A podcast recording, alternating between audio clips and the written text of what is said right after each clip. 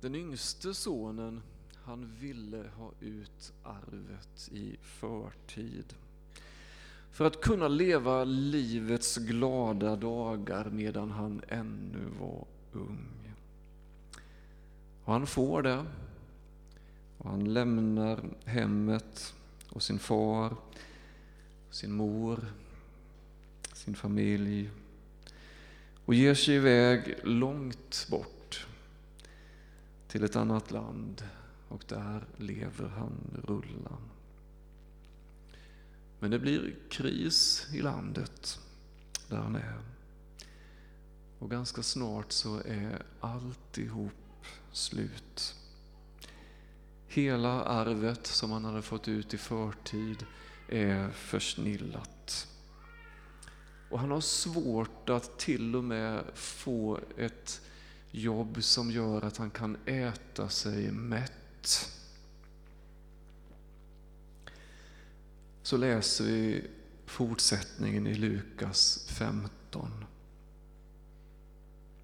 Då kom han till besinning och sa Hur många daglönare har min far, har min, hos min far har inte mat i överflöd och här håller jag på att dö av svält.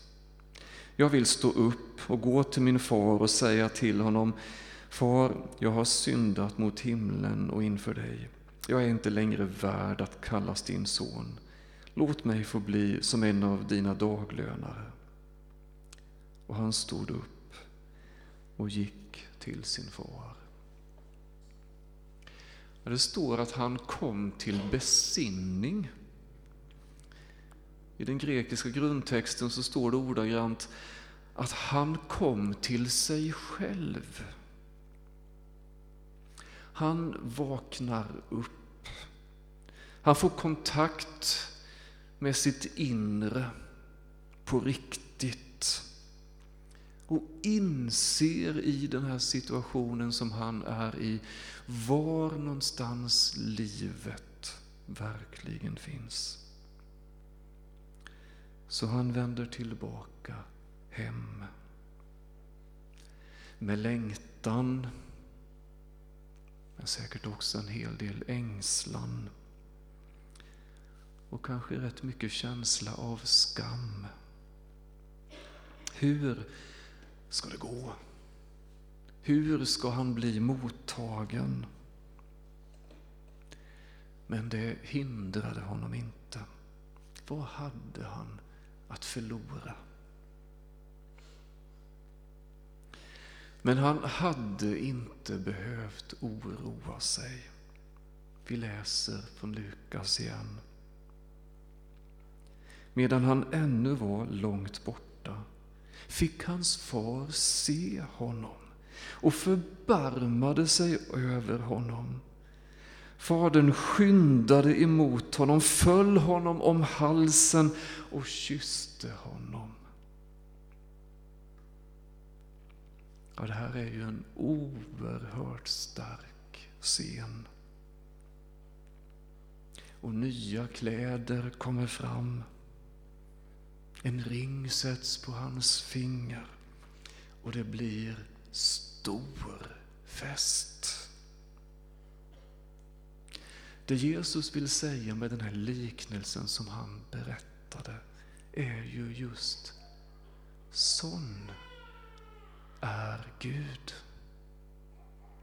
Som den här fadern som väntar och längtar.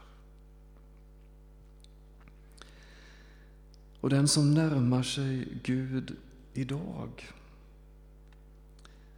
den som längtar efter någonting mer i livet, någonting större och som börjar söka Gud behöver inte heller oroa sig.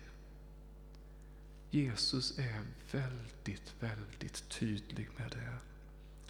Och det finns mer texter som talar om det och jag läser från Lukas 15 igen, men lite tidigare i kapitlet. Om någon av er har hundra får och förlorar ett, Lämnar han då inte de 99 i öknen och går och söker efter det förlorade tills han hittar det? Och när han har funnit det blir han glad och lägger det på sina axlar.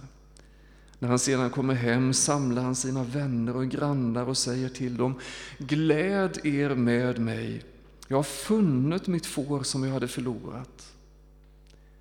Jag säger er, på samma sätt blir det glädje i himlen över en enda syndare som omvänder sig. Inte över 99 rättfärdiga som ingen omvändelse behöver.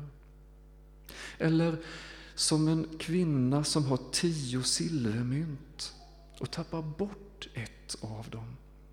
Tänder hon då inte ett ljus och sopar huset och letar noga tills hon hittar det. Och när hon har hittat det samlar hon sina väninnor och grannkvinnor och säger Gläd er med mig, jag har hittat hittat silvermyntet som jag tappade. Jag säger er, på samma sätt blir det glädje bland Guds änglar över en enda syndare som omvänder sig. Han, herden och hon, kvinnan, söker och letar tills de hittar. Fadern i den här berättelsen som vi läste går och väntar, spanar mot horisonten.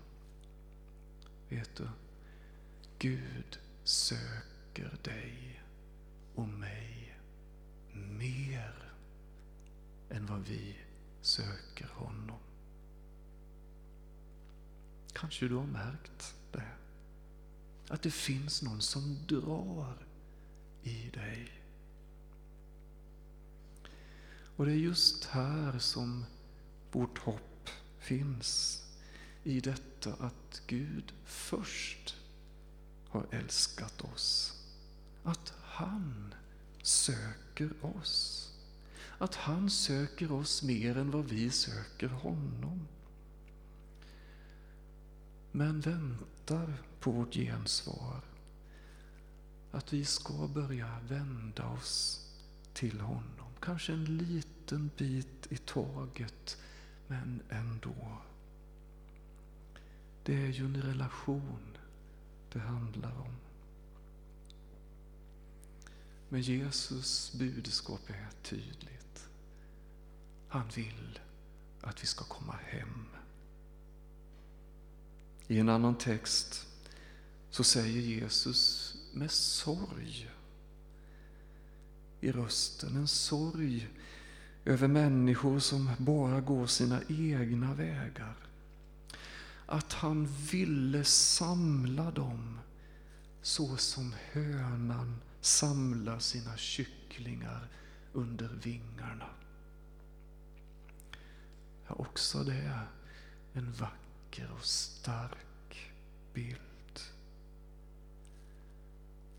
Jesus söker dig och mig vill att vi ska få komma hem idag, nu.